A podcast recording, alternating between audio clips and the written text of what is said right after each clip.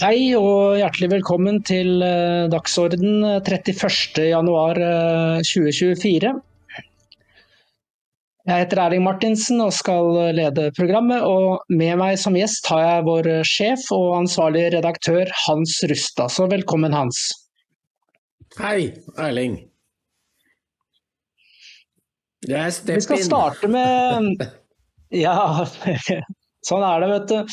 Nå skal vi sånn starte med mm, et lite litt om det som skjer i Frankrike, som uh, på mange måter begynner å minne litt uh, om den franske revolusjonen. Vi vet jo nå at uh, altså Paris-bøndene i Frankrike de er jo i ferd med å omringe Paris.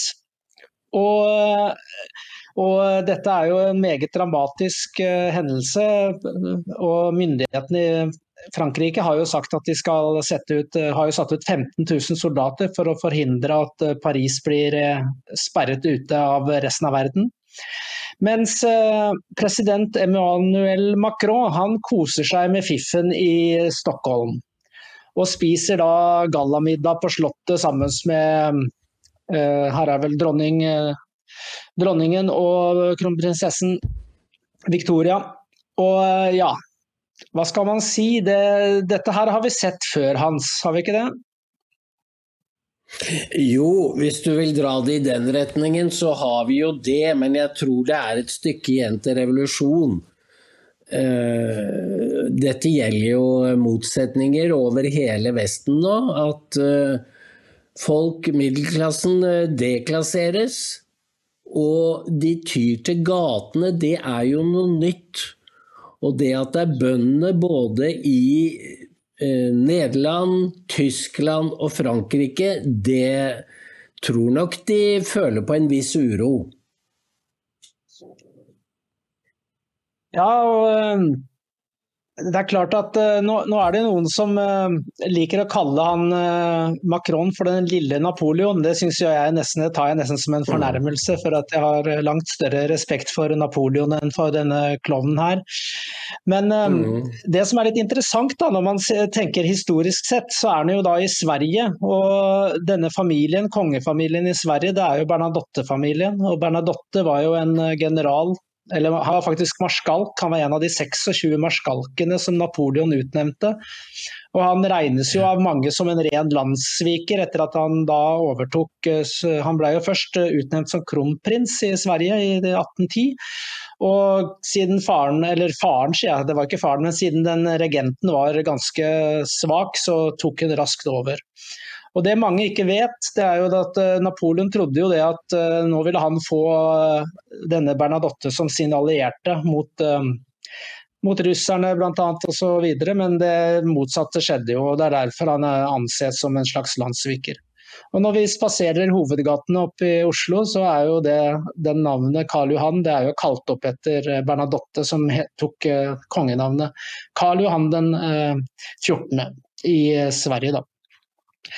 Vel, hva skal man si. Det, det, det, er veldig mye som skjer nå i, i forbindelse med dette klimagalskapen hans. og vi får vel en følelse av at folk er i ferd med å begynne å forstå hvor alvorlig dette her er, og at klimatiltakene er den største trusselen, og ikke klimaendringene i seg selv. Ja, det tror jeg du har rett i. Og de treffer EU eh, e treffer veggen for de har, eh, de har, satt seg mål som de ikke klarer å oppfylle. Det har jo, det har jo også den norske regjering gjort. Og det man kan lure på, Erling, er jo om de egentlig har skrinlagt planene om kutt i utslipp innen 2030, og i all stillhet hentet frem eh, og, og fortsette som før, altså med karbon. Fordi nå lyste jo ut regjeringen i dag en hel rekke nye lisenser i Norskehavet og Barents, eh, Barentshavet. Og det er ganske oppsiktsvekkende. Fordi det er stikk i strid med egentlig eh, det de har forespeilet opinionen. At vi skal fase ut olje og gass. Men isteden så gir de nå, ja bokstavelig talt, gass Og det, det, er, det er jo helt riktig, men du kan jo ikke forene Det er jo uforenlige mål. Det de gjør og det de sier er to forskjellige ting. Og det er jo realpolitikk. Det er realpolitikk. Og EU lovte altså på det ene området etter det andre så butter det, for de lovte én million, million artillerigranater til Ukraina eh, innen mars. Og så kommer det frem nei, vi greier bare halvparten. Men altså, et så stort sprik og målfravikelse, det er ikke troverdig. Det må være noen som snakker over seg, og som vet at dette, dette klarer vi ikke innfri. Og det de da gjør, er jo å undergrave Zelenskyjs stilling og sin egen troverdighet. Mm. Ja, jeg så jo Jeg la ut en uh, sakse tidligere i dag hvor um, jeg merket meg en uh, uttalelse fra EU om dette karbonfangst- uh, og lagring-prosjektet. og Da var det plutselig sto det at hvis vi skal nå klimamålene i 2040, så nå er det plutselig blitt 2040 og ikke 2030. og Dette har jo Kent Andersen, vår kollega, spådd i mange mange år, at de vil bare skyve på årstallet. Men uh, han uh, sier jo mye av det samme, han Terje Aasland, at uh, skal vi redde verden, så må vi ha olje for å få til omstilling på alle andre mulige felter. Dette er jo typisk, ikke sant. Det er et slags skyggeboksing som foregår. Fordi at det er klart at de, Så dumme er de ikke på, i regjeringskvartalene at de ikke forstår at dette her går ikke. Hva tror du, Hans? Nei, selvfølgelig er det ikke det. Men Derfra og til å si for åpent kamera det grønne skiftet er utsatt, det, er et så stort politisk tilbaketog at det vil de ikke. Så de gjør gode minner til slett spill og, og fortsetter som før. Og de kan jo fortsette med å tyne borgerne til å bygge om husene på energiomstilling, til å, å forbedre kloakken, for da kan de legge på flere avgifter. Det fortsetter som før. Men, eh, men inntektene vil de ikke røre. Nei, det er nok eh, slik eh, man føler det. Og så blir det litt sånn som vi sier, spill for galleriet. Nå er jo han nye ferske kongen i Danmark er jo på statsbesøk i Polen. Og jeg merket meg en uttalelse her som viser bare koko-nivået vi, vi, må forholde oss til. Han sier, jeg må bare lese det da, for det er sitat fra NTB. I sin første tale som konge i utlandet sa kong Fredrik at han eh, kommer til å vie klimaendringene stor oppmerksomhet osv. Og, så og, og så kommer dette her. Han nevnte også krigene i Ukraina og Gaza som eksempler på hvorfor det er viktigere enn noensinne å fokusere på grønn omstilling. Altså Hva i all verden har grønn omstilling med krigene øh, i Ukraina og Israel og Gaza med saken å gjøre? Tror du det var det de tenkte på 7.10 de på den festivalen øh, på grensa mot Gaza? Det blir så håpløst, man blir helt satt ut. Ja, men uh, dette er blitt sånn rituelle øvelser. At man skal nevne klima i alle tenkelige sammenhenger. Og vi har nå fått kongehus i Norden som følger klimareligionen. Klima og LHBTQ-religionen. Disse to går hånd i hånd. Uh, til tross for at omtrent to tredjedeler av befolkningen har ikke sansen. I hvert fall ikke for uh, de seksuelle variasjonene. Så de skaper jo en sånn underlig forhold til kongehuset. For istedenfor å være normale mennesker, så prøver de å skape seg til noe som de ikke er. Mm. Ja, Vi skal la dette, denne galskapen ligge litt. og så Siden vi nevnte Ukraina, så skal vi bevege oss over til det som foregår i Kiev eller Kyiv. Litt forskjellig hva folk velger å bruke. da. Men der eh, pågår det jo en maktkamp, og du skrev om dette her i går, eh, Hans. Og så har det jo skjedd ting i dag, så jeg la ut en liten artikkel om det, jeg òg. For der er det jo maktkampen mellom da president Vlodomyr Vlodymyr Zelinskyj og hærsjefen som heter Salutsjny. Salutsjny. Og mm. problemet her er jo det at Zelinskyj han det, det, virker iallfall sånn fra utsiden av at han er litt misfornøyd med at uh, forsvarssjefen uh, fremstår langt mer populær. og Det var jo en meningsmåling uh, i desember som også viste dette her, at tilliten til forsvarssjefen er langt høyere enn tilliten til Zelinskyj. Nå har Zelinskyj fortsatt ganske høy tillit, men den er, godt, den er på vei nedover. Og Det antas jo også da at uh, hvis det hadde vært valg i dag i Ukraina, valg til president, ny president, så hadde han Salutsjny uh, vunnet, hvis han hadde stilt. da.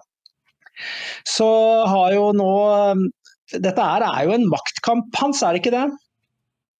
Jo, jo, det er ingen tvil om det. Uh, og norske medier har jo vært veldig forsiktige med å omtale det som står i utenlandske medier. Og det er Vi skal liksom være den mest lojale av Ukrainas støttespillere, men det er jo ikke å da er du en dårlig venn, vet du, hvis du ikke forteller, beskriver virkeligheten sånn som den er. Og det gjelder jo da både korrupsjonen, og det gjelder ikke minst eh, soldatene og kampmoralen.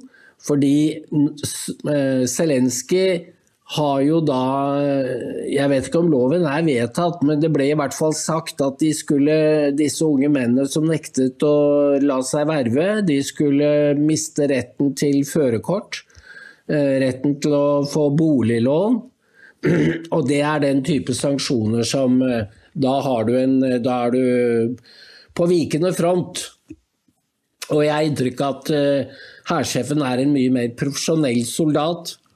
Som ikke driver og, og, tror at du vinner en krig ved å dra deg selv opp etter håret, for det har sjelden fungert. Nei, han, han, sitter jo på direkte informasjon fra fronten og sine offiserer som følger det som foregår. og Det, det vil jeg jo tro at Zelinskyj gjør òg, men han forstår kanskje ikke helt eh, Han har jo ikke den samme militære forståelsen. Det er jo ganske Nei. naturlig, for han har jo ikke militær utdannelse. Han er jo skuespiller og komiker. Og det er jo det, det, som er at det er mange som hevder at man eh, kommer med russisk propaganda osv. osv. Men når det gjelder korrupsjonen i Ukraina, så er jo kildene direkte fra Kiev. Det er jo, det, det er jo deres egne myndigheter som sier at de rammes av uh, massiv korrupsjon. og der, Derfor har jo flere også ledende, i ledende posisjoner mista jobben og blitt avsatt. Og Nå fikk jeg med meg Eh, en artikkel i Breitbart for noen dager siden, hvor eh, en talsperson for eh, myndighetene i Kiev han, sa, han anklagde jo amerikanerne da, for at de har jo stått for veldig stor andel av støtten til Ukraina i denne krigen. Og Da anklagde han talspersonen eh, USA for at eh, all støtten, eller iallfall 90% av støtten, var egentlig bare direkte til amerikanske våpenprodusenter. Så det er jo en eh, slags frustrasjon å spore også overfor amerikanerne her. Og den har vi også sett Zelinskyj vise noen ganger, at han, han, liksom, han vil ha mer støtte. og det, det er jo en krig, så vi forstår det jo litt, Hans. men Biden sliter jo fordi han nekter jo å stenge grensa, og da er det vanskelig å få tømt mer penger inn i sluket Ukraina. Hva tenker du? Ja, det stemmer det. Og um, det er jo nesten uforklarlig at han prioriterer Ukraina fremfor sitt eget land. Uh, for det demonstrerer jo for amerikanerne at han egentlig ikke bryr seg om Amerikas grenser og Amerikas befolkning fordi landet oversvømmes av illegale. Eh, dette omtaler jo ikke norske medier, hvor ille det er.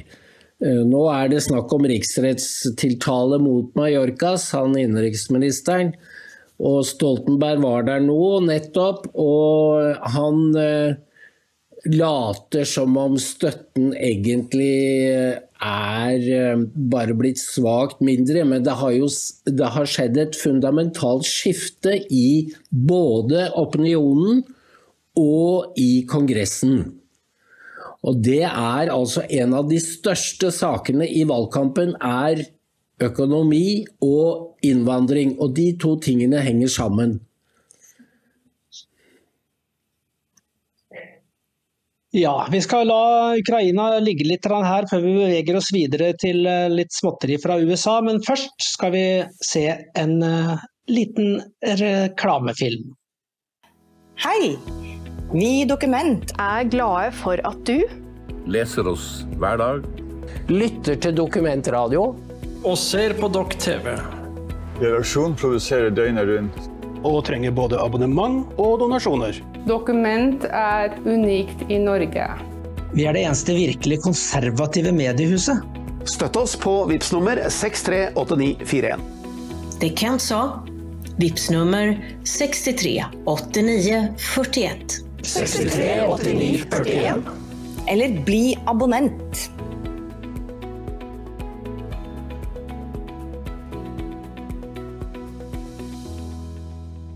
Er du lokallagsmedlem? Mm, ikke det? Nei, da har du muligheten å melde deg inn. Velkommen til oss. Ja, vi skal bevege oss uh, til uh, USA. Vi må ha med litt uh, USA når Hans er på besøk her, ikke sant Hans? ok, dagens sak er litt sånn pikant.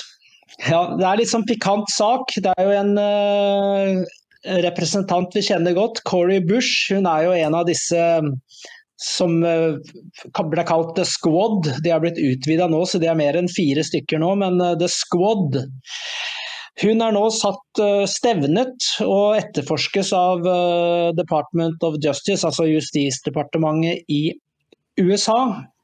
Og Grunnen er at hun har brukt offentlige midler på å finansiere sin egen private sikkerhet.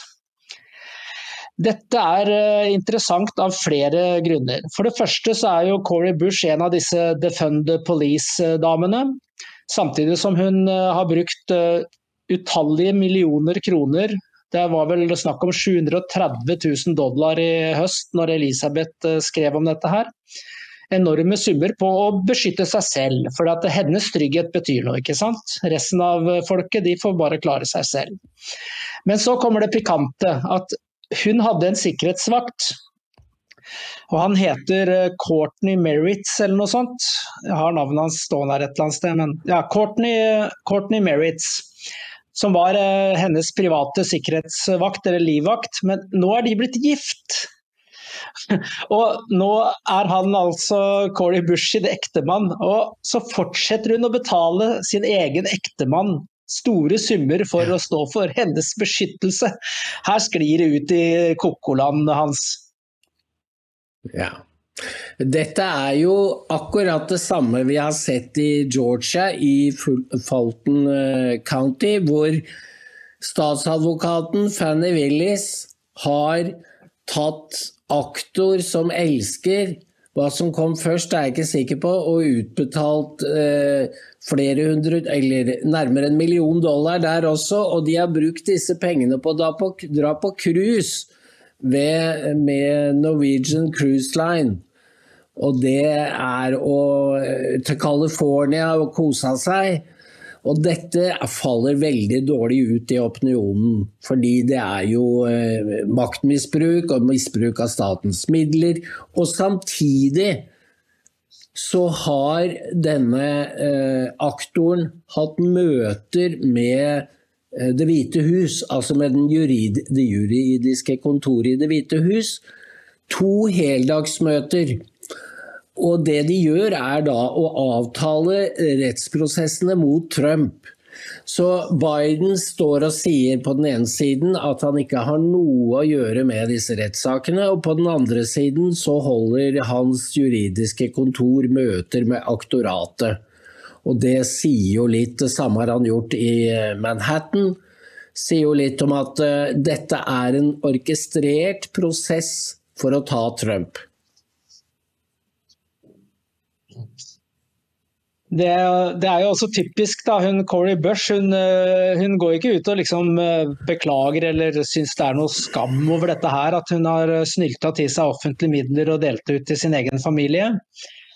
Nei, hun spiller jo på rasekortet med en gang, selvfølgelig. Jeg var innom og sjekka, sjekka hennes uh, Twitter-konto, og der var det jo det at uh, dette er hvordan man, uh, vi som er svarte, blir truet på livet og alt mulig sånne ting. Og min ektemann, han er svart og veteran. Ja, men det er fint det. Han er sikkert en bra fyr, men det betyr jo ikke at man kan bare snylte til seg penger på falskt grunnlag. Det er noe, mm. det er noe håpløst over det hele. Og dette er jo typisk si, Nei, men det er typisk for BLM og de svarte som eh, Biden-administrasjonen har rekruttert.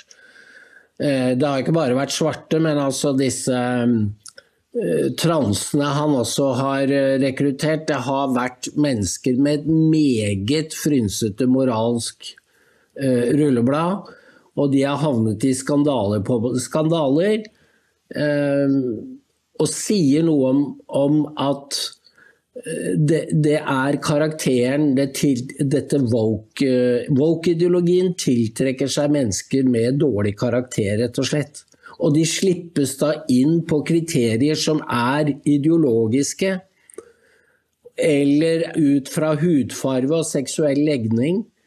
Og når til og med fly Eh, altså, Selskapene i USA skal begynne å rekruttere piloter ut fra hudfarge og seksuell legning, så er det klart at dette kan få katastrofale konsekvenser. Men det gjør de altså. For de sier det er altfor mange hvite. Du skulle jo ikke tro at USA var et opplyst samfunn lenger, når det gikk an å, å gå ut med etterlysende og, uh, ut fra hudfarge og, og sex i en jobb. Men det gjør de.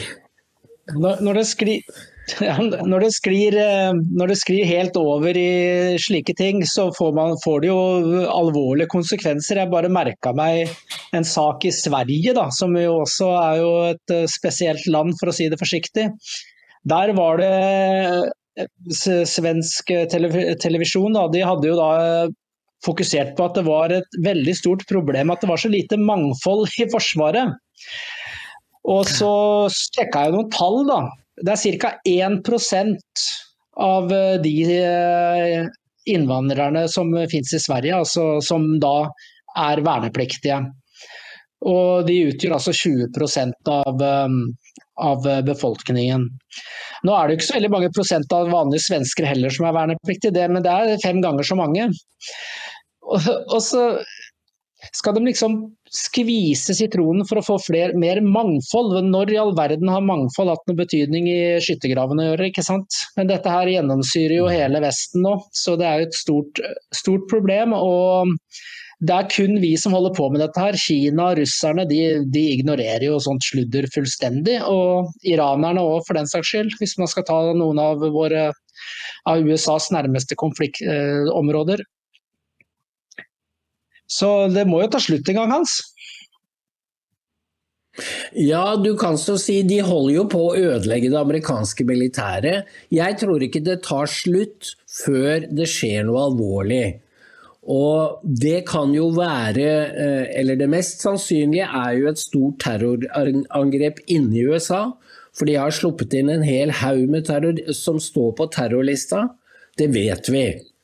Det er snakk om eh, flere hundre som er kommet inn, og de er vel der av en grunn. Og hvorfor Biden-regimet har gjort det, kan du jo spekulere i. Er det for å kunne utlyse unntakstilstand? Det er ikke godt å si. Men det er veldig skremmende at man med åpne øyne slipper inn folk som står på en terrorliste. Eh, under eh, Trump så var det jo år hvor det ikke var noen, og nå er det snakk om sånn 139 eller hva det er, bare i løpet av et år. Og det er altså folk som står på en terrorliste. Så kommer alle de andre som ikke står på noen liste. Og hva er motivet? Ja, det, man, det, spørsmålet blir jo stadig mer aktuelt. Men Jeg snakket litt om Christian og dette her òg. At når du har en sånn situasjon nå hvor du har en eh, president som sitter egentlig på lånt tid.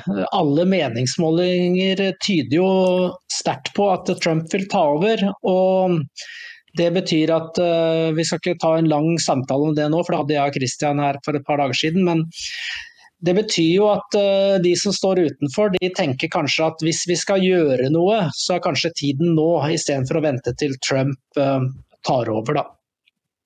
Men når det gjelder Trump og prosessen der, så er det jo stadig rettssaker. Og han måtte jo betale hva var det, 83 millioner dollar i erstatning til hun der dama som anklaga han for Carol et eller annet, jeg husker ikke navnet i farta som, det var ikke for overgrep, men det var fordi at han hadde sagt at han ikke hadde stått for overgrepet. Så det var sånn æreskrenkelse. da. 83 millioner dollar måtte han betale, eller er han dømt til å betale i erstatning. Han kommer jo til å anke saken, selvfølgelig. Men det, det, er vel ikke noe, det noe sjanse at Trump ikke vinner uh, dette valget hvis ikke det skjer massiv uh, påvirkning utenfra. Og, hva, hva, hva tror du om det, Hans? Jeg tror det blir veldig vanskelig å gjenta valgsvindelen fra 2020. Fordi eh, nå er det jo så massivt for Trump. og det har jo allerede Trump har jo, eh, Trumps posisjon er jo allerede styrket innad i USA og i Vesten. Altså Man begynner å oppføre seg som om man allerede er på vei inn. Det er litt interessant å se. For det betyr at eh, han har en avskrekkingsvirkning på motstanderne før han i hele tatt har kommet i nærheten av, en, eh, av et valg. Eh, vi er jo bare ved begynnelsen. Men han virker nærmest uimotståelig, og det er, det er, interessant å observere, fordi Biden risikerer jo å bli helt utmanøvrert. Jeg så det var intervju på Fox and Friends i dag med de som eh, Både de som eh, mistet soldater i Kabul, og de som nå mistet disse tre borte i Jordan. Og de sier jo at de skulle ønske Biden ikke kom eh, til seremonien hvor kistene skal flys inn til St. Andrews. Fordi sist han var der, så sto han og så på klokka, og det gjorde han ikke én gang, han gjorde det tre ganger. Og dette, hvis du fornærmer de etterlatte etter drepte soldater, så blir ikke det glemt. Da har du sunket dypt. Jeg husker, husker godt. Ja. Jeg husker det veldig godt eh, når han sto der og glodde på klokka, og det ble jo en stor sak. Det som er veldig tydelig, det så vi jo bl.a. med utspillet til han Eh, toppsjefen for JP Morgan, den store banken, som, som, som eh, kom med en eh, del skryt av Trump. Da.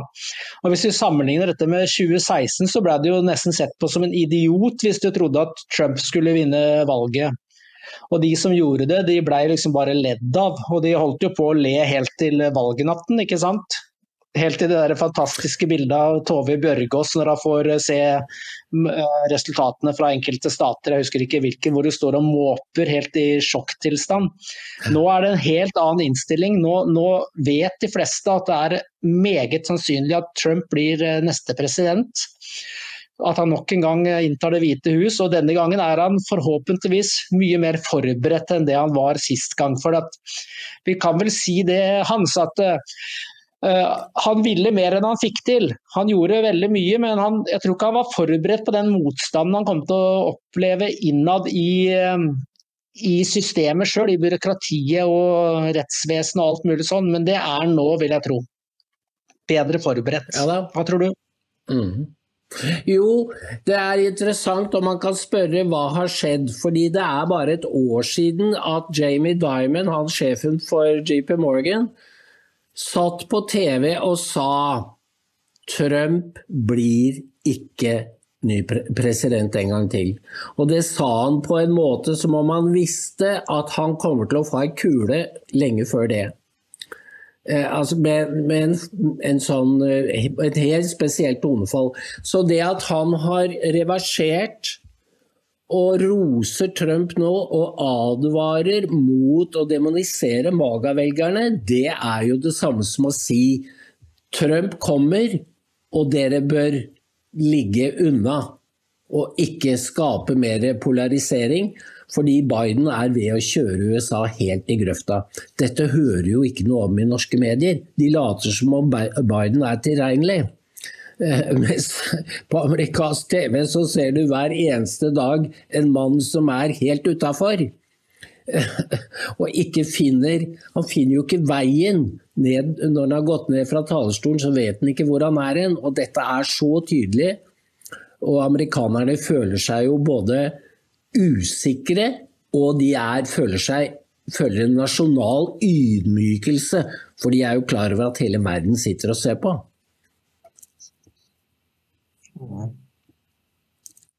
Ja da, nei, Det blir veldig, veldig spennende å følge eh, utviklingen fram mot 5.11. Eh, og Det skal vi gjøre veldig tett, Hans. ikke sant? Og det skal eh, være et hovedfokus for dokumentet i år, vil jeg tro.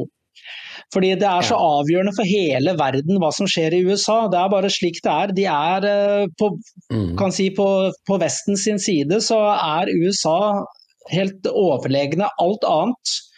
Og Forfallet i hele Vesten er jo også Det forsterker jo bare behovet for et sterkt USA med en sterk president som kan virke avskrekkende på alle de som ønsker å ta over eh, hegemoniet. Og Der har vi flere kandidater, men Kina er vel den største trusselen, vi vel, kan vi vel konkludere med, Hans?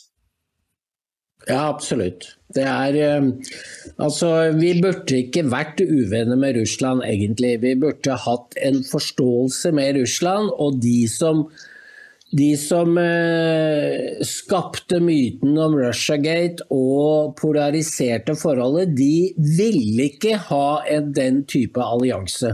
Men det var jo også i norsk interesse. Jonas Gahr Støre forberedte oljeutvinning i Barentshavet i samarbeid med Russland. Da ville Finnmark ha blomstra, eh, og isteden så er det nå det motsatte.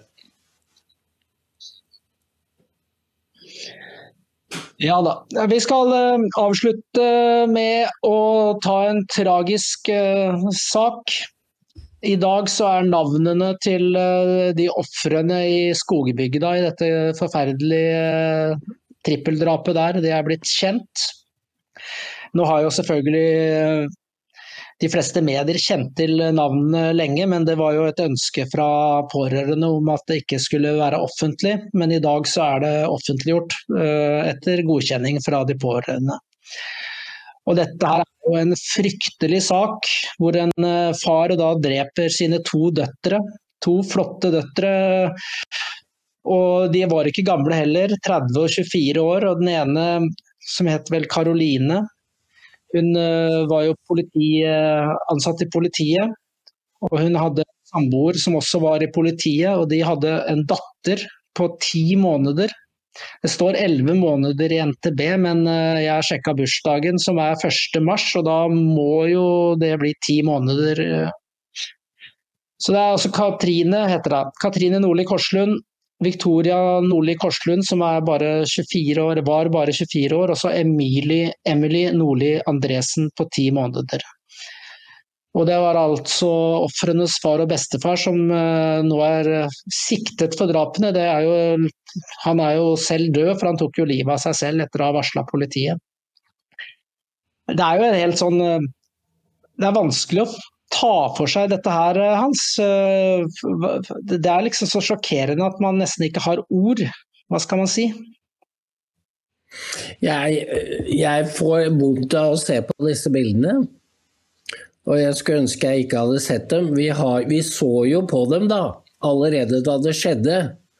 Og det var så flotte jenter at eh, jeg skulle ønske at det ikke hadde blitt delt, for jeg syns det rett og slett er, gjør bare dette enda verre, og særlig da selvfølgelig barnebarnet. Men det er en liten detalj ved selve hendelsen, Erling.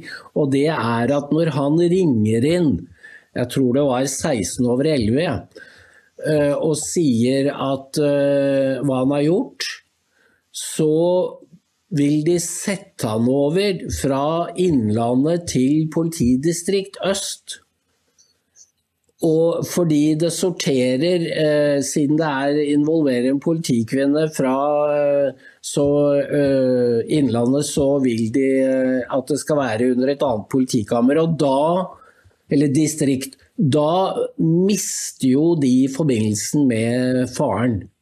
Det er ingen i andre enden når de får satt over. Det var jo en merkelig, merkelig, operasjon, må jeg si. Altså, fordi hvis noen ringer inn og forteller noe så forferdelig, så prøver du å få vedkommende til å si mest mulig. Han var jo da gjerningsmannen, og man kunne stilt spørsmål Men hvorfor gjorde du dette her? For nå tar vel han kanskje den hemmeligheten med seg i grava. Og det er jo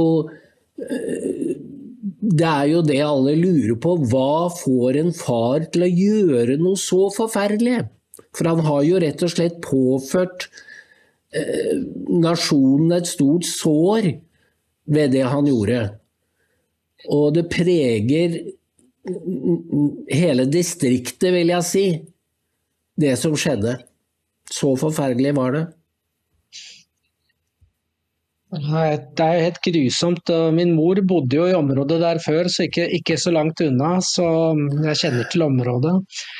Og man, man si, ikke at man skal liksom forstå eller akseptere, men når det er et eh, partnerdrap, så kan man jo tenke seg at det har vært konflikter internt i, i ekteparet eller samboerskapet. og Kanskje det er, er noe sånt, men her er det jo barn og barnebarn, så det gjør liksom saken så mye mer uforståelig. Og det er ikke noe grunn til å bruke tid på å spekulere rundt hva årsaken kan være. Det syns jeg man ikke behøver å gjøre. Og dessverre så tror jeg nok vi aldri vil få vite sannheten her. Men det kan jo hende at det er enkelte i familien som etter hvert vil komme med eh, informasjon, men det får vi nesten overlate til de hans. Så sitter igjen sitter jo igjen kona og samboeren, som også jobber i politiet, sitter igjen. Og da kan man jo ha medfølelse med de og den situasjonen de står i.